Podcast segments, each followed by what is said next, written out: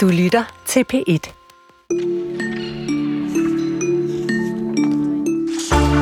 Umiddelbart så sender den iskolde og minimalistiske signaler. Det er en bygning, jeg taler om. Den øh, ligger som sådan en monumental kubistisk marmorfirkant midt i dronningens København. Klonk ser det ud som om. Den siger tung og utilnærmelig er den, omgivet af høje mure og sikrede porte. Det er Arne Jacobsens Nationalbank, jeg taler om. Og den skal nu renoveres, og det koster kroner, milliarder af kroner, og det ser vi nærmere på om et kvarter. Og så er der spillet dansk uge i den her uge, og derfor så har vi bedt en flok musikkyndige typer om at udvælge netop de unge musikere og talenter, som de synes er mest interessante og markante netop nu. Hver dag i den her uge, der kan du møde nogle af dem, og i dag er der fokus på Jomfru.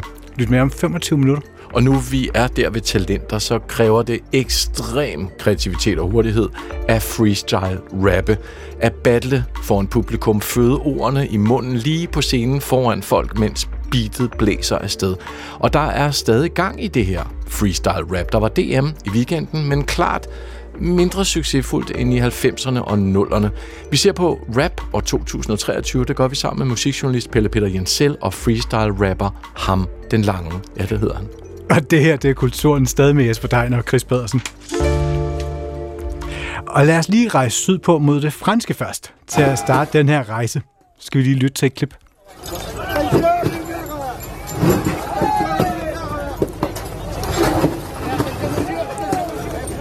Den her video viser en ret besønderlig hændelse. En stor gruppe franske mandlige vinavlere har stoppet en stor lastbil.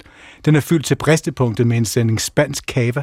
Og videoen den viser simpelthen, hvordan de her vinavlere river kasser efter kasser ned forbi en stad og kyler dem mod jorden. Ja, det går ondt at se på. Det går faktisk... Det, det er var trist. Det er meget. Og efter at have set den her video, så efterlades man øh, med klart kæmpe stort spørgsmålstegn.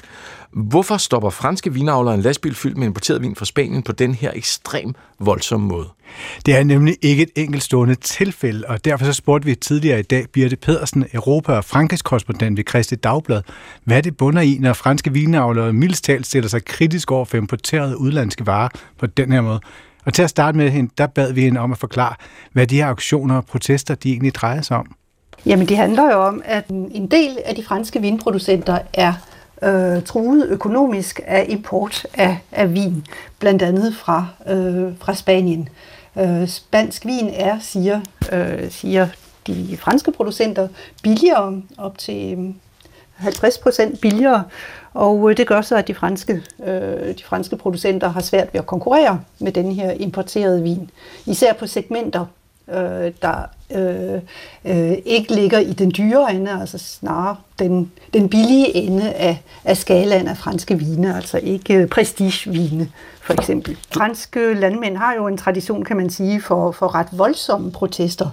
Øh, og det gælder ikke kun øh, vinproducenter, det gælder landmænd i det hele taget, blandt andet når de protesterer mod EU-lovgivningen. Øh, mm, og øh, ja, det er tidligere set, at vinproducenter i det sydlige Frankrig protesterer på den her måde. Det er sådan set ikke noget nyt. Hvorfor bliver det så voldsomt? Hvor, hvor er restriktionerne? Hvor, hvor, hvorfor griber politiet ikke ind, når de ser det her på, i de her grænsebyer, hvor det sker? Nu har der jo på det seneste været øh, stærke diskussioner om, øh, hvorvidt politiet har en voldelig adfærd, når den griber ind i, i, i demonstrationer. Øh, jeg skal ikke kunne sige, hvorfor politiet ikke lige griber ind i, i denne her sammenhæng.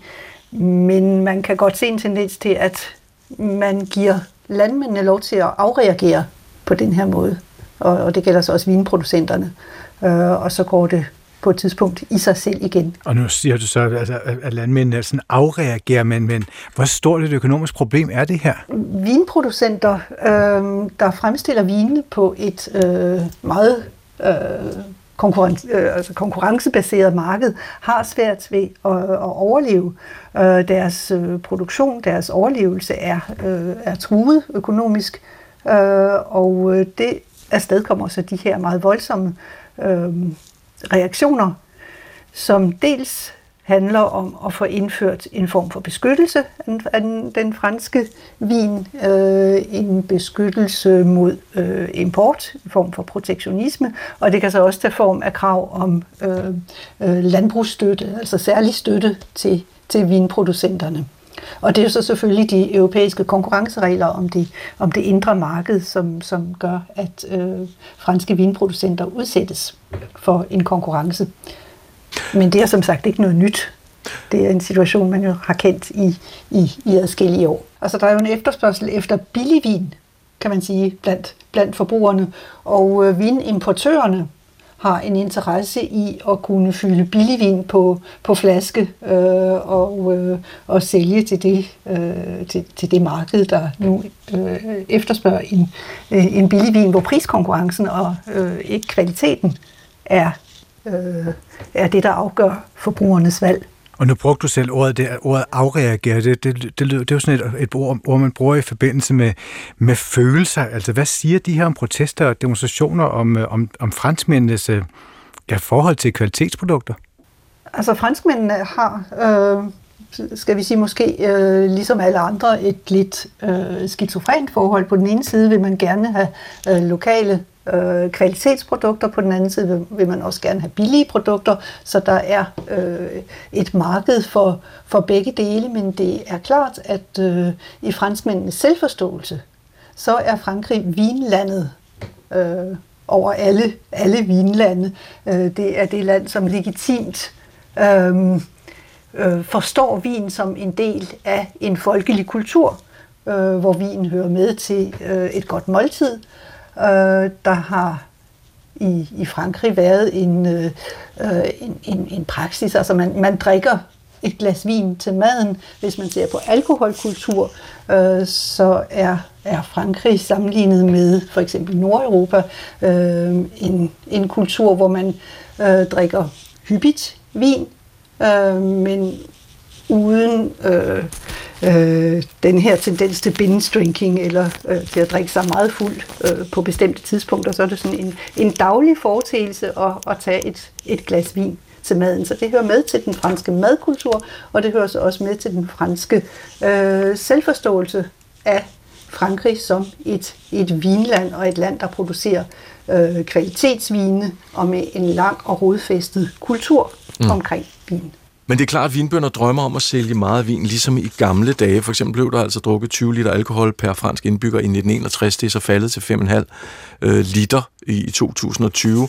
Og den franske stat skal i højere og højere grad også støtte vinbønderne, fordi de simpelthen laver for meget vin, som ingen rigtig gider at købe. Kan man sige, Birte, at de, de franske vinbønder ikke rigtig har fulgt med tiden, og nu bliver det nødt til at gøre klar til en ny virkelighed? Ja, de franske vinbønder har jo levet på en bølge, hvor der ude i verden var stor efterspørgsel efter fransk vin. Øh, så der blev plantet, tilplantet masser af nye vinmarker op igennem 90'erne, begyndelsen af 2000. Beaujolais er et, et, et stjerneeksempel. Der var jo øh, stor international fokus på øh, Beaujolais Nouveau, Øh, og øh, den bølge er så øh, klart ved at tage af med faldende forbrug i Frankrig og måske også større konkurrence på det internationale marked. Øh, så pludselig er der den her overproduktion af fransk vin. Øh, og det betyder så, at man nu er inde i en proces, hvor man faktisk støtter landmændene og giver dem økonomisk øh, øh støtte til at fjerne vinstokkene, så der bliver en, en mindre, øh, mindre produktion. Og øh, det er i gang, så der er vinbønder, som er inde i den her øh, proces, og der er så andre, som har svære ved at omstille sig, øh, og som så producerer, fordi det er en proces, som gør ondt på dem. Handler den her konflikt om, om økonomi, eller handler, handler den om, om, sådan, om selvforståelse, om lokal selvforståelse? Det handler i første omgang om økonomi. Det er det, landmændene går på gaden for, det er det, de protesterer over, det er deres økonomiske overlevelse. Men øh, vin, øh, som øh, i forhold til national selvforståelse, øh, ligger også meget dybt i, i den, den franske kultur. Altså vinkultur er på mange måder fransk kultur. Og øh, man har for eksempel det her begreb i Frankrig, hvor man taler om terroir. Altså terroir, det er jorden. Det er den muld, man er rundet af. Øh, og det er jo også det, vi har i, i vin produktionen, altså en vin øh, vokser på bestemte vinmarker i bestemte områder. Øh, jordbundens kvalitet, geologi er en øh, afgørende for, hvilken vin man, man får ud af det. Øh, og det er altså noget, der er vigtigt i, i, i fransk øh, selvforståelse, altså det her med, at man er knyttet til et, et bestemt lokalt område. Man har fødderne solidt plantet i en bestemt muljord, øh, og det er så også noget, som man øh, benytter i, øh, øh, til at promovere bestemte produkter.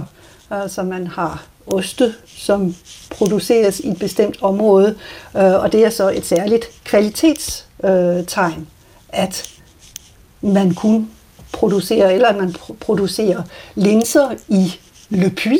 Øh, det er et, altså på, på samme tid et øh, økonomisk projekt, øh, et økonomisk øh, øh, produkt. Det er et, øh, en, en måde at promovere et bestemt produkt på. Øh, men det svarer også til den her forestilling om, at man som franskmænd er knyttet til et bestemt øh, lokalområde. Birte, nu huserer du nede i Lyon. Hvordan, hvad tænker den almindelige franskmand om alt det her ballade? Er det noget, de involverer sig i, eller er det sådan mere på, på, på bundeniveau, vi ser det her? Altså det her, det er helt klart en, en lokal konflikt. Det er ikke noget, der sådan lige har øh, er nået frem i de øh, store nationale overskrifter og, og, og tv-nyhedernes øh, øh, indslag. Så det er meget, netop nu i hvert fald, en, en, en lokal konflikt. Men, men mere bredt er der jo i Frankrig en, øh, skal vi sige, en lidt eksistentiel angst for at blive kørt bagud, øh, både økonomisk, øh, kulturelt, hvad med det franske sprog, øh, vil det stadigvæk øh, være øh, et, et verdenssprog, et diplomatisk sprog. Øh, så, så den her øh, angst, som vinproducenterne har i Sydfrankrig lige nu, den, den øh, klinger faktisk i, øh, i vid udstrækning med en, en, en slags kulturel og, og øh, eksistentiel usikkerhed, som præger Frankrig også på politisk niveau. Men hvad tror du så, der kommer til at ske? Ja, helt konkret kan man forestille sig, at øh, der bliver, øh, der kommer nogle forslag på bordet om øh, støtte, konkret støtte til lige præcis de her, de her vinbønder. Øh, der, det, der ikke kommer til at ske, det bliver en begræns, det er en begrænsning i importen af vin fra Spanien, fordi det hører jo med til, til Frankrigs forpligtelser, øh, europæiske forpligtelser at have øh, åbne grænser. Og det sagde altså Birte Pedersen, som er Europa- og Frankrigs korrespondent ved Christi Dagblad, og det var da vi talte med hende her tidligere i dag. Hvis det var en mulighed, så ville det være en rigtig god idé at fyre lidt ekstra op under sædelpressen inde i Nationalbanken, fordi renoveringen af deres helt egen bygning i Havnegade, du kender den, den der store, flotte firkant i marmor og glas, i København bliver bare dyrere og dyrere, altså renoveringen. Det kommer også til at tage meget længere tid, før de ansatte kan flytte tilbage igen. I 2020, der lød øh, overslaget på 1,5 milliarder i 22 steg prisen til 1,9 milliarder, men for nylig blev det så justeret, og nu kommer det til at koste en milliard mere, 2,8 milliarder udens, uden moms. Og det er altså helt vildt mange penge. Men Arne Jacobsen-bygningen, den blev fredet i 2009, så der er overhovedet ingen vej udenom. Nationalbanken den blev bygget fra 65 til 78, men nu er der mange ting, der ikke har klaret tidens tand og nye krav. Og det er altså selvom banken kun er et år yngre end mig. Ja, tænk så ung. Og nu er det ret interessant. I sidste uge talte vi om øh, en ny bog om Arne Jacobsen. Designeren Arne Jacobsen skrev Henrik Lund Larsen og Thomas Dixon. Og nu står vi altså her og taler om en mildestal. Jeg har aldrig været inde og set den indenfra. Har du det overhovedet? Nej, men efter at have kigget billederne igennem, der, der må jeg sige, at det er helt vildt, altså helt vildt meget lyst til. Ja. Og jeg har glædet mig til at tale med dig. Anne-Katrine Harder, som er programleder på Dansk Arkitekturcenter, og som skal ja, fortælle os om den her utrolig, utrolig dyre proces. Velkommen til dig. Tusind tak. Første spørgsmål, altså hvorfor bliver det så dyrt? Jamen, altså, der er vel nærmest ikke et byggeprojekt i det her land eller noget sted i verden, som ikke totalt overskrider alle budgetter. Så det, altså, det skal vi lige have på plads. Det er normen. Mm.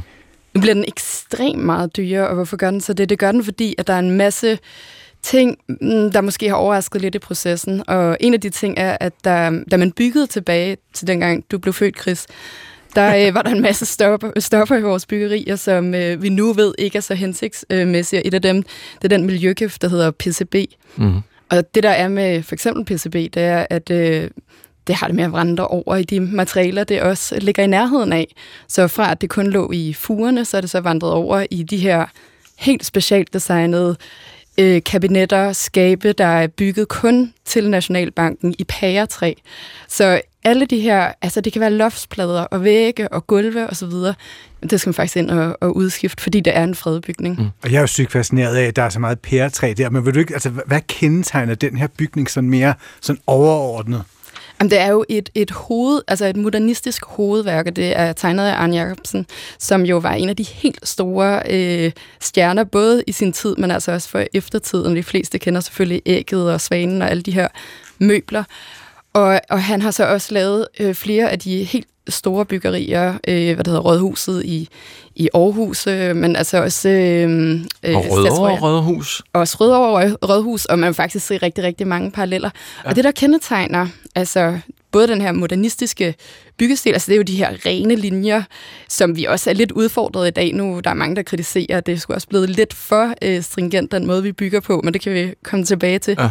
Men noget andet, som er helt, helt øh, unikt for den tid, det var, at det var nogle arkitekter, som jo også lavede alt interiøret. Altså, så, så rigtig meget af det er fuldstændig gennemtænkt ned til, hvordan låsen skal åbne, og hvilke lamper der er derinde, og, og altså også møblerne. Men prøv lige at høre, Anne-Katrine, fordi udover at, at, at Arne Jacobsen får det her, øh, det her, den her opgave, så for, for alle os, der går udenfor, så kigger jeg jo ind på sådan en monumental øh, blok af Porsgrund, norsk øh, grå marmor, som siger, skrid, gå væk. Hvorfor skulle det være så vanvittigt smukt, som det jo er, når man først ser billeder derindefra? Hvad, ved du noget om det? Hvorfor skulle det være så blændende elegant, som det er? Jamen altså, Nationalbanken er jo en institution, og det der også er helt unikt ved Nationalbanken, det var, altså, det var jo der, man, man trykte alle vores penge ja, en gang. i tre etager. Ja, og det, det, det gør man altså ikke Ej, i dag, vil jeg, vil jeg godt sige det. Jeg, ja. jeg mener, man gør det i, i Polen i dag. Men, men altså, vi, vi snakker jo en tid, hvor den kolde krig jo truede med at, og til hver en tid sætte os i en form for undtagelsestilstand, så vi havde også en, en bygning, der skulle kunne meget mere end, end alt muligt andet. Så, så den skulle fungere som, som en by i sig selv, altså du havde slagteri, og du havde have og alt muligt andet derinde. Du havde en, en mand, der alene stod for at fikse alle ugerne derinde. Mm. Og så var vi i en tid, hvor at altså, man, man lagde væk på den der form for arkitektoniske detaljer, som vi også ser her. Men det er en meget hård, modernistisk, også ret afvisende bygning, og det ja. er den også blevet kritiseret for gennem tiden. Mm. Ja, i 2009, der blev den så, hvad hedder det, altså, var totalt fredet. Og det var blandt andet på grund af de arkitektoniske fremtoning i bybilledet, bygningsplanløsning og rumlige kvaliteter, de udsøgte materialer, den gennemførte detaljering og de tilhørende haveanlæg. Men hvad er det, der skal renoveres ved den nu? Jamen, det er jo faktisk en, altså, det er en gennemgående øh, renovering. Øh, den er jo, øh, som sagt, lige så gammel som dig, Chris, og, og du så ved, så er der så mange, så er der, så er der, så er mange ting, der kan trænge, trænge, trænge til en udskiftning. Ej, du ser godt ud. Ej, øh, det er jo blandt andet de her marmorfacader. Øh, altså, der, der kan være skader på dem. Det var jo sådan, at man har opkøbt det sidste af den udgravning i Norge, hvor at man, øh, man gravede den her marmor ud. Så må man prioritere det, der trænger til den største udskiftning. Ja. Men så er det jo også altså, alle de her dele, som, øh, som, som der er kommet forurening i, og som på forskellige måder øh, trænger til at blive, øh, altså, blive renoveret. Og det er et gigantisk puslespil, ikke? fordi så skal man have alle delene ud, mm. og så skal man have dem erstattet med noget, der ligner en til en. Samtidig med, at vores standarder for ventilation for eksempel har forandret sig. Så hvordan laver du moderne ventilation i en bygning, der blev bygget i, i 70'erne? Mm.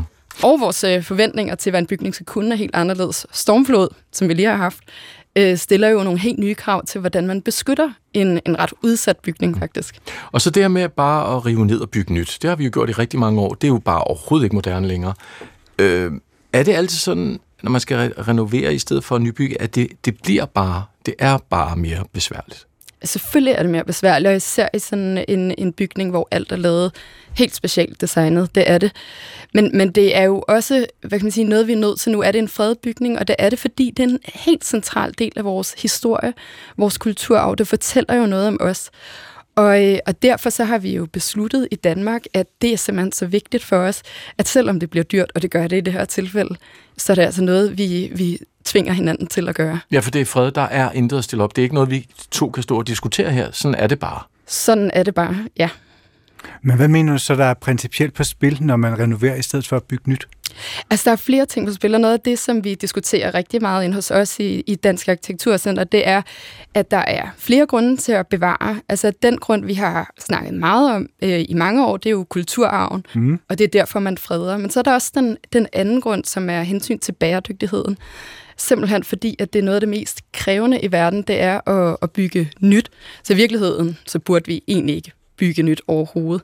Så vi begynder jo at diskutere, altså skal vi også bevare alt det grimme, både af hensyn til bæredygtighed, men faktisk også kulturarven, hvis vi tager sådan en industribygning ude i Nordvest ikke, fra 80'erne. Altså, den er jo pissegrim, ikke? Mm. Men, men den siger jo også noget om den tid, den er blevet bygget i, og det er faktisk en væsentlig del af vores lov om fredning, at, at det skal sige noget om den periode, det er blevet, det er blevet bygget i. Ligesom Farve Midtpunkt med deres rustfacader, øh, eller rustbeklædninger, ja. eller Brøndshøj har et vandtårn, jeg altid synes var redselsfuldt grim brutalisme, ikke? Men det, det skal blive stående, fordi sådan var det. Fordi sådan er det, og det fortæller noget om os, og man kan se, altså bare til diskussionen om palads, det er ikke arkitektonisk høj kvalitet. Det er dårlig kvalitet, det, det er dårlig arkitektur på alle mulige måder. Ja. Men det kan noget andet. Altså, det, det kan noget, som vi, vi alle sammen forholder os til. Og rigtig mange bliver jo følelsesmæssigt investeret i, i den her bygning, som de... Altså, de færreste gør jo biografen derinde. Øh, ja, du så. taler om Åse og Paul Gernes paladsbiograf inde i København, som alle kender. Som er jo altså øh, kendetegnet ved at være i vildt mange farver, og, og, og i øvrigt ekstremt udskilt, øh, da den blev malet i sin tid. Men nu er den altså vokset på os. Det er måske et af de kunstværker, øh, danskerne, flest danskere forholder sig til. Ja, det var bare hvidt, og det var fra 1918, og så i hvad i slut 80'erne går det fuldstændig banan. Jamen, så får de sådan en, en hvad kan man sige, sådan pastelfarvet palette der, og så går de ellers uh, amok. Jeg selv vokset op lige ved siden af Herlev Hospital. Jeg troede jo sådan, at alle hospitaler så sådan ud, ikke? Ja. Altså, Men det er jo meget fedt indvendigt på Herlev Hospital. Der er det meget Sindssygt nice. fedt. Ja. Jeg synes også, Palads er fed, altså på sin egen helt altså æstetisk redselsfuld øh, måde. Ikke? Ja.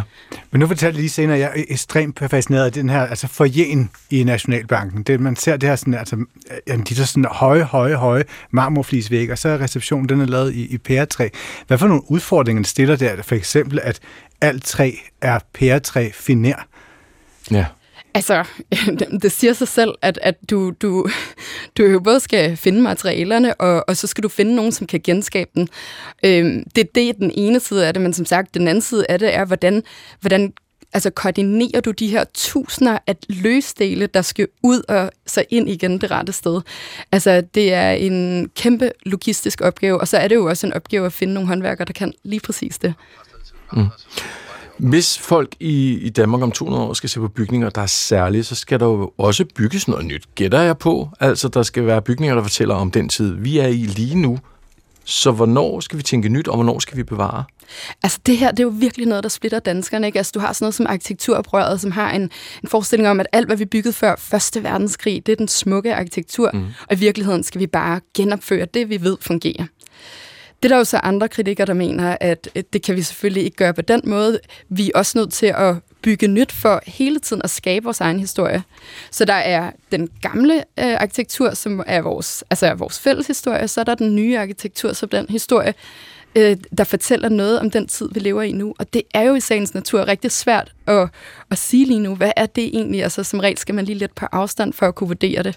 Men, men vi kan jo kigge rundt på nogle af de bygningsværker, der er blevet til de sidste par år. Markante arkitekter som Bjarke Engels for eksempel. Mm. Men måske er Big og Bjarke Engels så også øh, undtagelsen, eller måske det sidste, der kommer inden den tid, vi træder ind i nu, som er mm. præget af kriser og høje priser og bæredygtighed og så videre, hvor det bliver nogle helt andre dagsordner, der mm. kommer til at, at definere arkitekturen. Og der, hvor du selv sidder i øh, Dansk Arkitekturcenter, DAC, som øh, de fleste kender, også dem, der ikke er fra København, fordi øh, når man kører over Langebro, så kan man se den her glasbygning, den har også været udskilt, der er lidt øh, have på taget, og det er lige ved siden af den gamle, de gamle, gamle bygninger, som flåden ejede. Øh, hvad med sådan en bygning som den? Tror du også, man vil sige, at de der glasfacader skal skiftes? For det skal de jo på et tidspunkt. Så bliver metallet slidt og alt det der, ikke? Jamen, altså helt sikkert. Altså, altså det er måske en af de mest øh, udskældte bygninger overhovedet, og det er meget specielt at sidde og, og, og, og snakke om... arkitekt i sådan en bygning. Præcis. Så, øh, men, men, øh, men selvfølgelig, og det der, det der sker, det er, at selv den grimme arkitektur siger jo også noget om os og vores tid og så videre. Mm. Og, og altså, de, nu, nu sidder jeg derinde til daglig, og hver gang jeg får gæster, så siger folk, ja, jeg kunne jo ikke lide den til at starte med, men det er jo som om, den vokser lidt på mig. Ja. Og måske er det netop sådan med arkitektur, at den faktisk så også former vores blik på byen. Ja. Og selv det, der er grimt, kan på en eller anden måde også få plads i vores mentale bevidsthed. Og det er måske sådan mange af os, der arbejder hos Danmarks Radio, har det med det her hus. Og jeg kan godt lide det. Jamen, jeg kan også rigtig godt lide det, det nu. Men tak til Anne-Katrine Harders, programleder på Dansk Arkitekturcenter. Og den renoverede Nationalbank, den står måske færdig i 2029. Skulle simpelthen lige tjekke efter. 3 milliarder kroner senere. Tæt på fire. Gadagong. nu skal vi til nye stemmer i dansk musik. Det er blevet tid til at hylde øh, alt det dejlige talent, vi har hjemme, fordi i den her uge, der er det jo Spil Dansk uge, øh, og der tænkte vi sidste uge, hmm, lad os finde nogle af alle de her nye, der er heldigvis heldig mange, rigtig mange at vælge imellem, så hvem skulle vælge det? Jo, tænkte vi, vi spurgte anmeldere fra den danske musikbranche, hvem de egentlig mener fortjener sådan lidt særlig opmærksomhed, og så kunne vi jo invitere nogle af dem herind. Og hver dag den her uge, der vil vi bringe et portræt af en af de musikere fra det danske vækstlag, der er værd at holde øje med. Og Regitte Bundgaard, Skipper Bundgaard, musikanmelder hos Gaffa, hun pegede på den her albumaktuelle sangskriver, musiker og producer Jomfru. Jeg har valgt den aarhusianske artist, der hedder Jomfru. Øhm, så selve Jomfru-universet er sådan utrolig lejende. Det har et meget humoristisk udtryk, som både øhm, altså det repræsenterer meget, øh, hvordan det er at være ung kvinde i 20'erne i dag, samtidig med, at det hverken bliver for, for højbrynet eller for, for kalorielet hun pakker ligesom hele hendes øh, tekstunivers ind i en sådan ret fed, humoristisk øh, vibe, som bare fungerer utrolig godt, og ligesom skaber en form for scene øh, på hele hendes debutalbum for, fra sang til sang. Øhm, og og, og det, ja, jeg synes, det er et ret unikt univers, øh, som jeg ikke har, har hørt noget med indtil, indtil videre på den danske scene. Og det var musikanmelder hos Gaffa Regita Skipper Bundgaard, og vi har besøg af sangskriver, musiker og producer Jomfru. Velkommen til. Jo, tak. Ej, hvor bliver jeg glad, når jeg hører de der ord. det kan jeg godt forstå. Du går under navnet, eller det, du har navnet Alma Kjær Agergaard ellers. Øh, hvad siger du til Regita Skipper Bundgaards ros? Hun siger, at du rammer tiden og rammer, beskriver den unge kvinde godt. Ja, altså øh, det der med at ramme tiden, det er jo, altså det er jeg glad for, at, at jeg gør. Jeg tror, at, at når øh, kunst på en eller anden måde rammer noget, man kan relatere til, så, øh, så kan man spejle sig i noget og blive klogere på sig selv og på verden omkring. Og det er jo det er meget stort, hvis jeg, hvis jeg på en eller anden måde kan være sådan et spejl mm. for unge kvinder eller unge mænd eller noget helt tredje. Øhm, men, men det er jo også, altså, jeg, jeg har ikke siddet og været sådan, åh, nu skal jeg virkelig sige noget om tiden, og sådan mm. overtænke det. Jeg tror, jeg har jo også bare skrevet nogle sangtekster om noget, jeg, jeg synes var sjovt, eller finurligt, eller en eller anden absurditet i det sociale, som jeg godt gad at ja. udstille. Og det skal vi selvfølgelig høre lidt af lidt senere. Vi skal bare lige have også historien på plads, fordi vi er jo mange, der har siddet og spillet klaver, været, været tvangsindlagt til at sidde øh, og spille, hvor vi så heldigvis for alle jer andre aldrig nåede at udgive noget. Hvor starter dit, øh, din fløjt med musikken? Jamen, den starter fra, at jeg er barn. Jeg har spillet musik, siden jeg altså nærmest ikke engang kunne tale endnu. Øh, og så har jeg siddet helt vildt meget og spillet klaver hjemme i min forældres stue. Mm. Øh, og øh, ja, lyttet alle mulige Alicia Keys numre af, og øh, krænget min, øh, mit øh, teenage-hjerte ud der foran klaveret. Så det var ikke klassiske etuder og sådan noget? Det, det var... har jeg faktisk også spillet. Okay, det har også spillet, okay. Ja, jeg var klaverkanin på konservatoriet. Klaverkanin? Hvad betyder ja. det? Og det betyder, at man, øh, man går ved nogle, øh, nogle studerende på konservatoriet i klassisk klaver, og jeg var så heldig, at de studerende, jeg gik ved, havde Anne Øland, professor i klassisk klaver. Aha. Og det var virkelig stort at ligesom få hendes take på klaverspillet. Og hvad så gik man ligesom vi andre gjorde en gang om ugen, og så blev man hejlet igennem? Ja. Wow. Ja. Og hvad gjorde det ved dig? Altså, fordi du, du hopper jo så fra etyderne over til noget andet. Hvornår tager du det spring? Jeg har både spillet rytmisk og klassisk øh, musik, sådan lidt, altså på samme tid. Sideløbende, ja. Ja, sideløbende. Men, øh, men der var et tidspunkt faktisk, ja, hvor jeg måtte stoppe med det klassiske, fordi det der præstationspres faktisk blev lidt for stort. Og glæden ved musikken øh, stoppede lidt. Jeg synes, det blev, det blev, i stedet for at det var et eller andet lejende rum, man kunne gå ind i og eksperimentere med, så blev det sådan lidt mere en pligt. Ja. Og det, det dræbte motivationen for mig. Det også bliver sværere og sværere. Man får hele tiden sværere og sværere stykker. Det er jo lidt ja. opgaven, ikke? Ja. Og til sidst så er det bare ikke sket. Sådan Ej. havde jeg det også. Jeg kan relatere. nu nævnte du selv Alicia Keys, den amerikanske musiker. Hvad, hvad tog du med fra hende? Uh, jeg har siddet og sådan øvet mig i at koordinere og spille, øh, spille nogle sådan klaverfigurer øh, og synge samtidig med. Og så virkelig, sådan, hun har sådan en meget stor power. Det er ikke altid, hun rammer helt rent, på al, øh, når hun synger live, men der er virkelig sådan en god power øh, stemme i hende, som jeg, jeg tror, jeg synes, det var virkelig befriende at bare sidde og sådan råbe lidt. Altså, der, der er nærmest sådan lidt råb i den måde, hun synger på nogle gange. Mm. Det var meget... Øh. Alma, øh, hvad vil du egentlig... Det skal du også bestemme, nu er du ny. Altså, ja. Oland, hun vil gerne kaldes Oland, øh, og ikke så meget Nana, når man diskuterer, og, eller hvad hedder det, interviewer hende. Hvad, hvad skal vi kalde dig? Øh, Alma eller Jomfru? Hvad vil du I skal faktisk kalde mig Jomfru, når jeg står her, tror Det er godt, jamen det ja. gør vi. Fordi men det er jo også noget med at brande sig, så Præcis. husker folk det, i stedet for Alma, hvad fanden er det? Nej, Jomfru, godt. Hvordan må du beskrive din musik? I jamen, én sætning. Skal vi lave den? Ja, uh, jamen det, og man prøver så meget som upcoming musiker at brande sig selv, så det er jo virkelig vigtigt, hvordan den der ene sætning er. Men hvis jeg nu skal prøve at freestyle lidt, så er det noget... Jeg, min musik kunne godt være sådan lidt en tv-serie, ja. hvor at der er sådan nogle scener, man får præsenteret med unge mennesker i sociale sammenhænge, mm. der har det lidt akavet og øh, melankolsk. Altså, ja, okay, så, hvad, så det er sådan en collage? Ja, det kan man social godt collage. Sige. En social collage, det er en virkelig fin beskrivelse, oh, faktisk. så hvad så med det med sangskrivningen? Altså, hvordan, hvordan går du til den? Jeg, øh, jeg er sådan lidt observant, tror jeg. Jeg kan godt lide at kigge på andre mennesker, og øh, jeg, jeg skriver meget ned i mine noter, øh, notes-app på telefonen, og hvis jeg har været til en eller anden øh, fest, eller øh, mødtes med nogle venner og snakket om, hvilke fede studiejobs vi havde, så har jeg måske nogle gange skrevet det lidt ned, og øh, skrevet et eller andet med, åh, øh, hun havde også bare så travlt, og havde en eller anden... Øh, irriterende attitude om, at hun, øh, hun bare har gang i så meget fedt, eller sådan noget. Sådan nogle lidt irriterende noter nogle gange også, eller øh, ham her virkede bare virkelig overfladisk. Eller sådan. Så kan jeg skrive det ned, og så bliver det på et eller andet tidspunkt til en sangtekst. Mm. Vi skal høre noget musik. Nu har vi talt og talt og talt. Sammenbitte tænder. Vi dykker lidt ned i det her. Øh, vi skal høre en, en lydbid. Hvad, hvad handler sammenbitte tænder om? Ja, altså, jeg har lige udgivet mit øh, debutalbum mm. i øh, fredags, og øh, til, hovedtematikken på det album er sådan, jeg opdagede i hvert fald, efter jeg skrev alle sangene, øh, meget fragmenteret, at der er meget med kroppen, øh, og, øh, og sådan præstationspres, der kan sætte sig forskellige steder i kroppen. Blandt mhm. andet i kæberne. Man kan ja. have sådan helt opspændte kæber, fordi man har bidt så meget i sig, måske forventninger øh, i studielivet, eller mm. øh, det kan være øh, til, hvem man skal date, eller altså, der, der kan være så mange sådan, øh, smil, som egentlig er mere sådan, måske nogle tyngede smil, der kan blive til spændinger. det handler den om.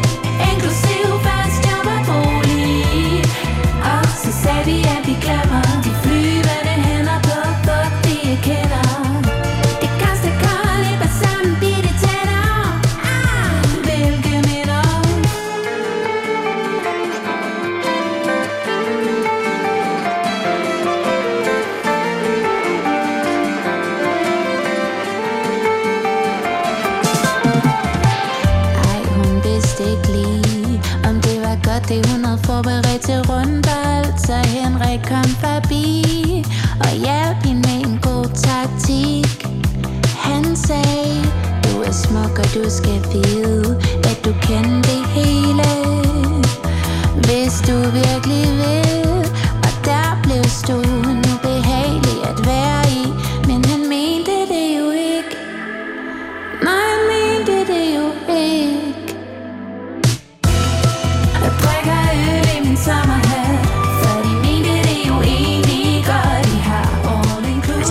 genkender godt det her med, med at skrive teksterne i små scener fra et, øh, et, fra et ungt liv. Præstationskultur. Altså, hvordan, øh, hvordan klinger det hos dig? Jeg tror, en sætning, som man for eksempel kan tage ud af den her sang, som er sådan, du kan det hele, hvis du virkelig vil det er, det er noget, man måske kan få at vide af ældre generationer som et ungt menneske. Sådan, og det er jo egentlig en virkelig positivt ment sætning. Ikke? Ej, du har alle mulighederne foran dig, men, men de der store øh, store forventninger kan jo faktisk blive til et stort pres, som prins Christian jo så fint sagde i sin tale for nylig, hvis jeg lige skal lave en lille reference. en royal reference. ja.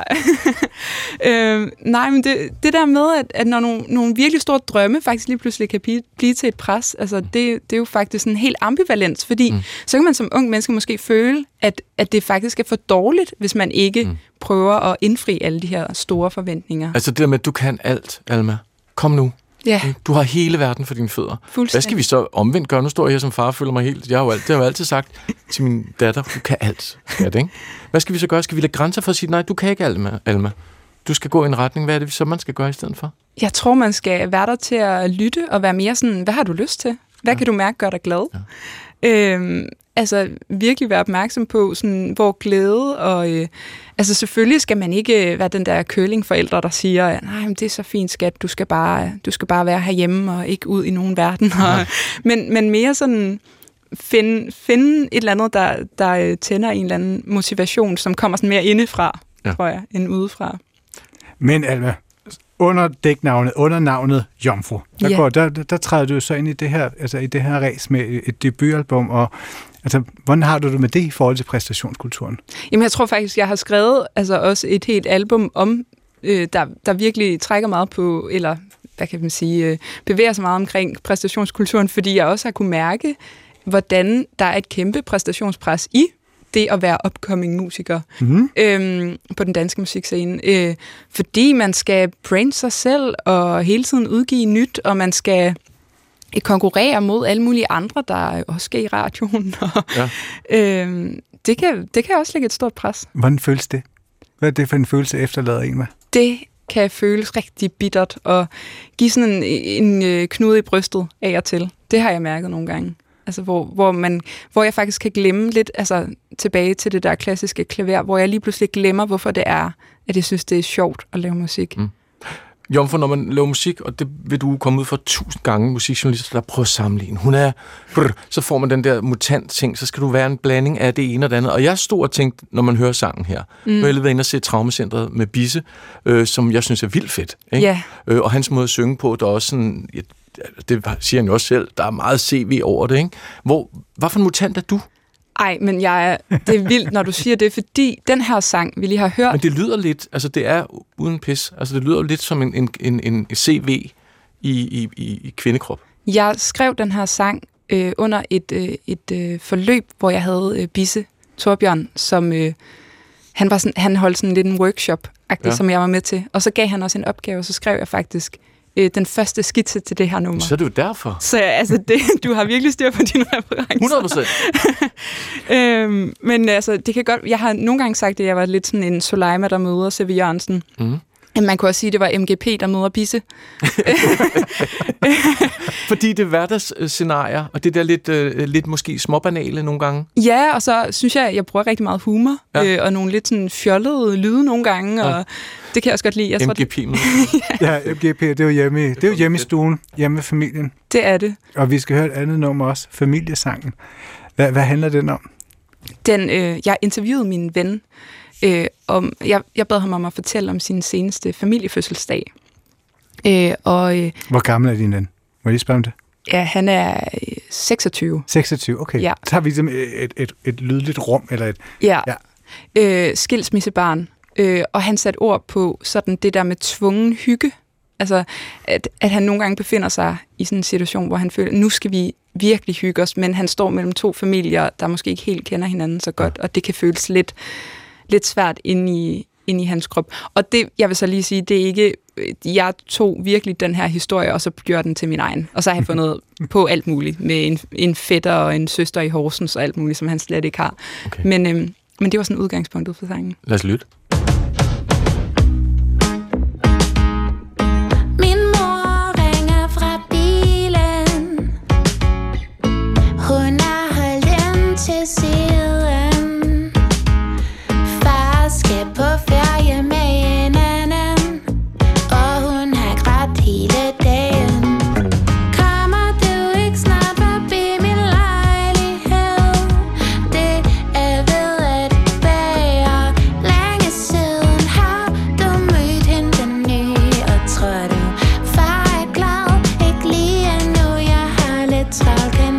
skates like it's real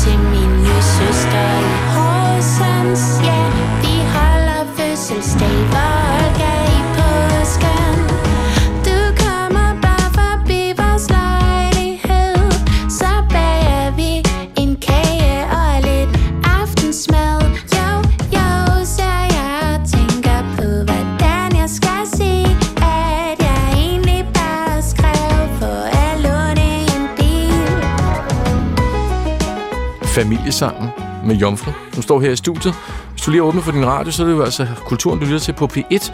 Og vi har besluttet os for her i anledning af Spil Dansk Ugen, at vi der hver dag inviterer en kunstner ind, som nogle af de danske anmeldere er meget begejstrede for. Det bliver så dig i dag, Jomfru. Held Ja. for dig.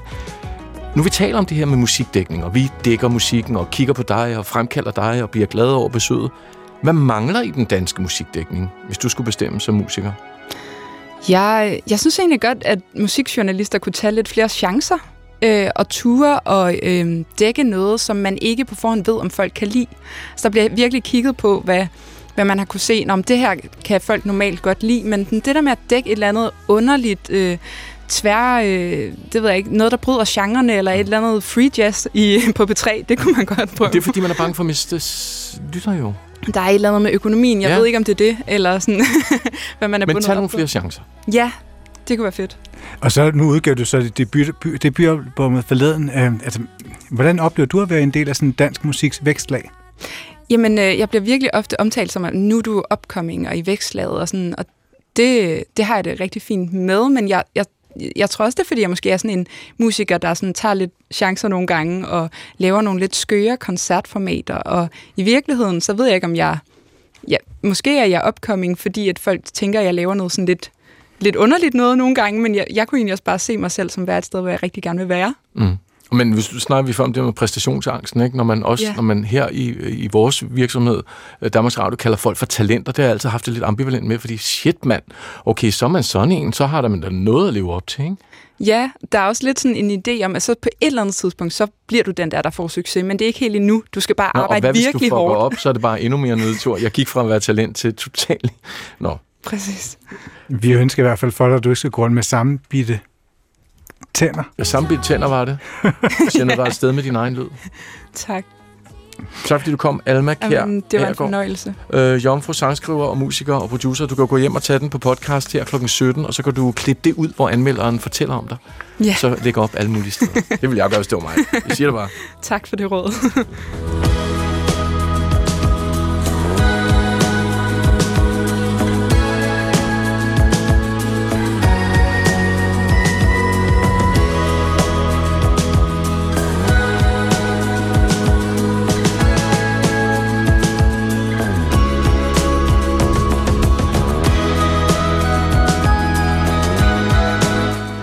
Er en meget fed øh, musikdag her på Kulturen. Ja, jeg er meget begejstret. Rapgruppen Suspekt de spillede for nylig udsolgt koncert i Parken, og rapsangen dominerer de danske hitlister, og danske rapper de får millioner af streams online. Men da der i lørdags blev afholdt DM i Freestyle Rap, var, der ikke engang udsolgt med et, var det ikke engang for et udsolgt Amager Bio.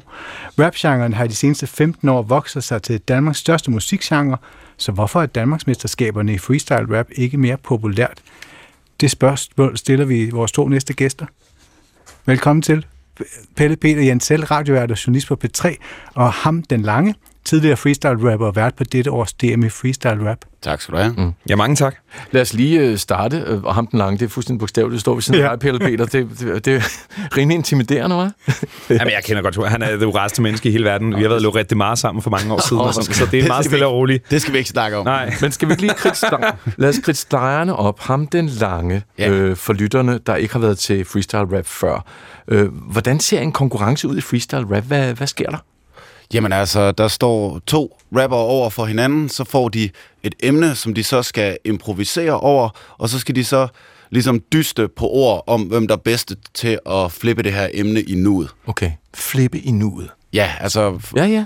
Ja. Så til at spille skal vi ikke høre. Vi kan lige høre øh, noget. Det er en af finalerunderne, har jeg i hvert fald fået at vide, med rapperen Den Lette Gade. Den lette gade. Du har også noget at sige i denne finale, og det skal du gøre om natlampe. Take it away. Så, er I klar til det her? Yeah, yeah. Hey, bitch, jeg fejrer. Ringen skal til Mordor, det er fra The Shire. Du ved sgu godt, at det er brug for en lighter. Alting det kommer, og det er mig, der bejder.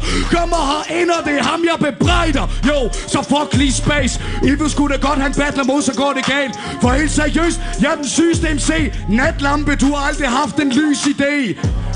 Jo, fandme på en rap-ting Space, du kan ikke battle, du har tabt fatningen Jo, helt seriøst, fucked up Det hedder, det hedder Extended Edition, ikke Extended Cut Jo, Fucked up, så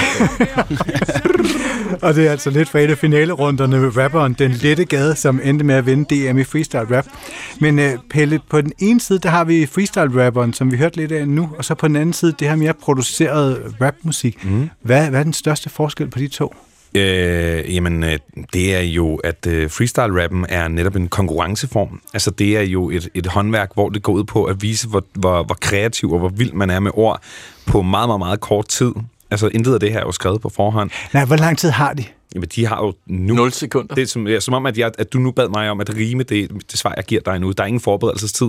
Så, så det er jo et fuldstændig, det er fuldstændig vanvittig kunstform, men det er jo også en kunstform, som, som øh, jeg tror, alle, der har hørt det her klip før, måske også tænker, at det, det er med imponerende, men ja. det er ikke nødvendigvis noget, man har det store behov for at sætte på. Så nu vil jeg lige... Det er svært at danse til.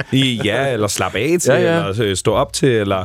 Så, så for mig som, som kæmpe, kæmpe rap-fan, er det noget, jeg godt kan sætte på, hvis jeg virkelig vil se noget sindssygt. Lidt ligesom hvis jeg vil se øh, en eller anden lave noget vild mad, øh, eller s- gøre noget andet vanvittigt, øh, slå 1000 koldbøtter på rekordtid, ja. eller et eller andet. Så det er en kunstform. Det er virkelig det, du, du, du ser det som et værk, når du lytter det.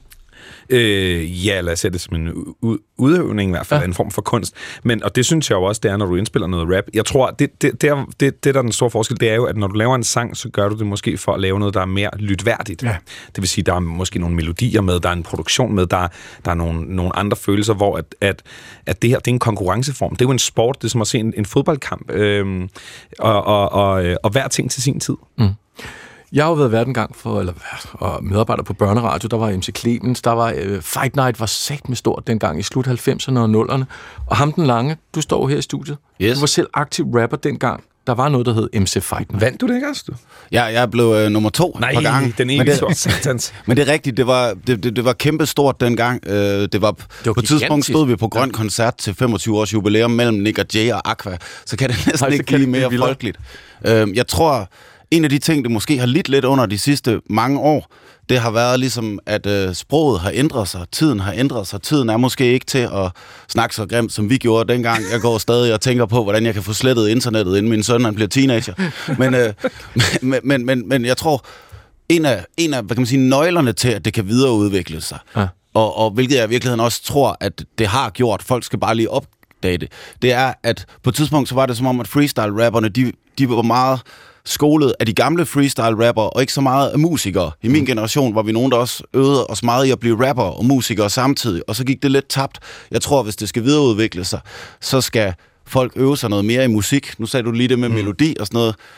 Øh, jeg arbejder blandt andet på et freestyle show, hvor vi har indført, at der, at der er omkvæd til freestyle, hvor, hvor, hvor jeg har øvet mig i at synge og få folk til at synge med på omkvæd, og hvor, hvad kan man sige, øh, konceptet er, at det ikke er en konkurrenceform, men at vi står og jammer og får det til at lyde godt. Øhm, og til DM i freestyle i år, der vil jeg faktisk sige, at de unge mennesker, de var kommet væk fra mange af de ting, som ligesom har gjort, at det måske lidt har været en dinosaur i mange år. Mm. Der var ikke særlig mange under bæltestedet jokes. De bedste ting kredsede om noget andet, ja. og de kunne også rappe på trap beats, de kunne også rappe på reggae beats, så på samme måde, så, så lød det ikke som en dinosaur. Så Ligesom, lidt ligesom stand-up comedy, som jo også lidt har ændret. Der var også øh, meget øh, pik og patter dengang øh, i, i gamle dage. Det, det er ændret nu. Jeg, jeg, jeg vil våge at påstå, at det faktisk har ændret sig. Hvis man kigger på branchen nu, så, øh, så, så, så synes jeg egentlig, at den har det ret godt. Altså konkurrencen, der, der var næsten udsolgt i, i Amager Bio, og de unge mennesker, de var, øh, de, de, de var virkelig dygtige. Og så er der ud over det, så er der mange, du ved, PDB og PRV er stadig i gang. Ja. Fresco er ved at erobre TikTok. Øhm, og, og, og vi har gang i en ting, hvor vi prøver at lave det anderledes. Så der, så der er ligesom mange ting ved siden af, men det mangler selvfølgelig et flagskib, der var lige så stort som Fight Night var i gamle dage, med ja. 5.000 mennesker i Kåbehallen, og man kunne, man kunne oddse på det og sådan nogle ting. Du sagde omkvæd, jeg skal lige høre, inden vi fortsætter. Det vil sige, du finder på omkvædet i nuet, og så- så, så så- husker du det, så du husker det igen. Og, hu- og husk det, det er det sværeste ved den. Men det skulle også til at sige, fordi så det er går det du videre, og din hjerne kører 180 i forvejen. Jamen, jeg, ple- jeg, jeg plejer nogle gange, så sætter jeg, så sætter jeg min makker klaskefar til at spille... Klaskefar. Så, spil, så, så, sætter, så sætter jeg ham til at, ja, men, så sætter jeg ham til at, at, at, at, lave verset, sådan jeg står og fokuserer på at prøve at huske, hvad det er, jeg lige har fucking Ja, for, ja, for du, du, der er ikke noget med at skrive ned. Det er Nej. bare sådan der, det er nu. Ja. Men, men det, det var netop fordi, at- altså, at Altså, jeg kørte surt i, at det skulle være så hårdt. Jeg tror, du ved, når folk har fri, altså, de vil gerne underholde sig i improvisation, ja. men, men måske gider de ikke, hvis det bliver for surt og for umusikalsk. Nej. Så jeg har ligesom prøvet sådan, okay, vi skal have lidt mere forskellige artet rytme, vi skal have lidt sang på, og, og sætte et dogme for mig selv, at vi skal have meget bedre humør, så vi bruger det til at sprede kærlighed. Det kan jeg godt forstå. Men det havde vel også en stor betydning, det her med, at, at det blev vist på fjernsyn. Jamen, jeg, prøv, jeg, tror, jeg tror, der er så mange ting, der spiller ind i, at det blev gigantisk. En ting var, at det var nyt. Og i musik, der er nyt godt. Vi vil gerne øh, overraskes. Vi vil gerne vide, hvad er det nye, hvad er det spændende. God kunst er jo noget, der skubber fremad.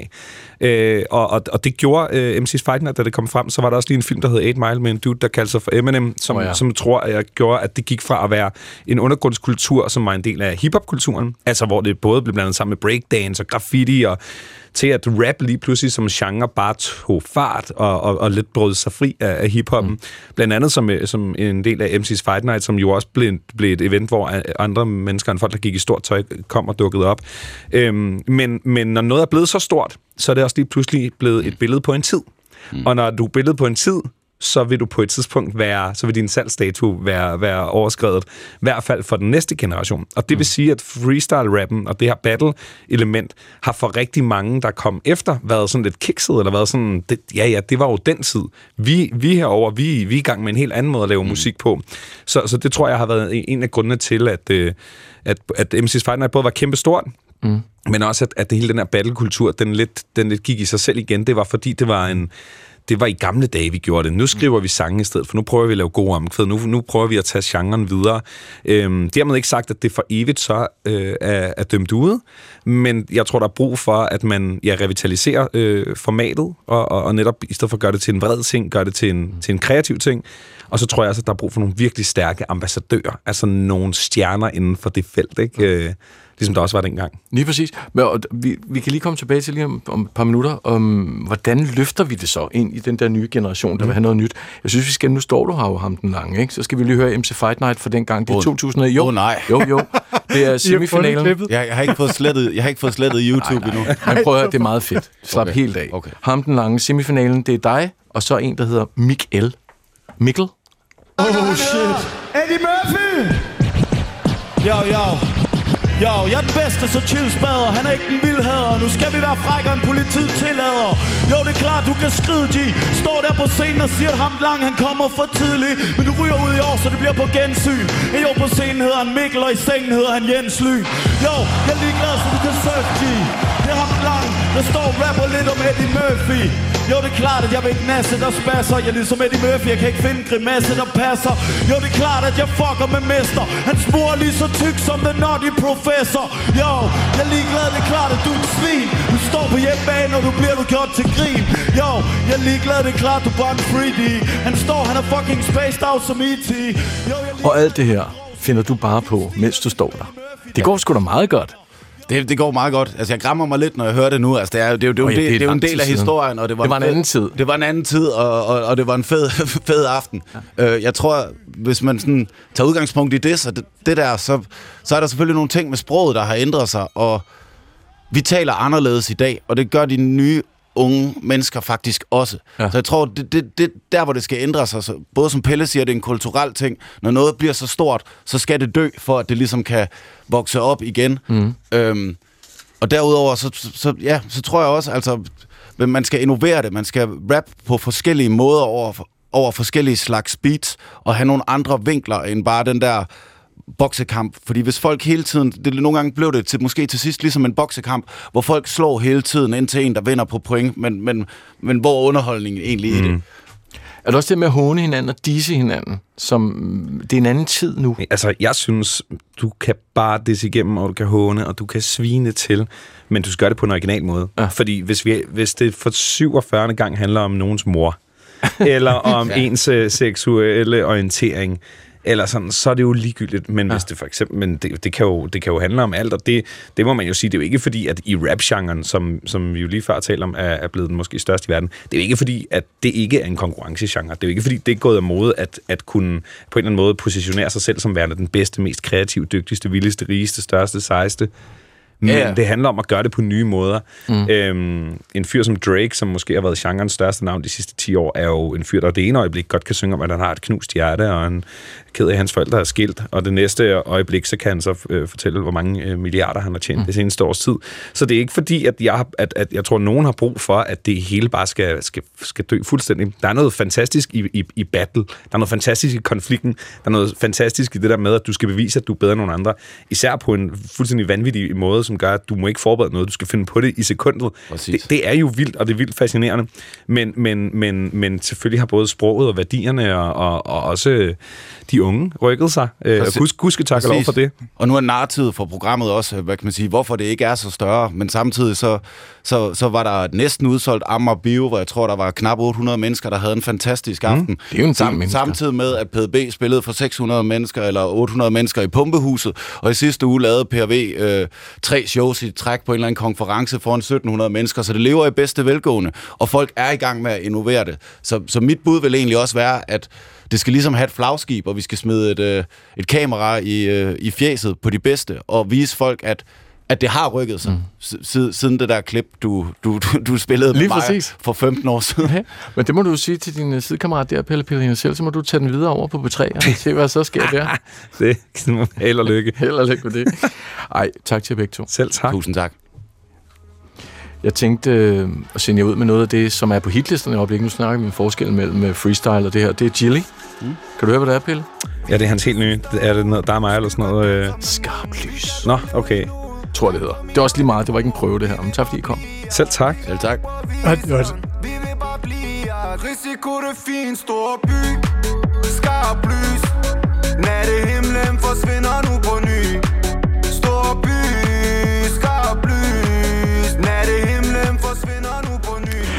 og det var altså ham, den lange tidligere freestyle-rapper, vært på dette års DM i freestyle rap, og Peter Peter Jensel, radiovært.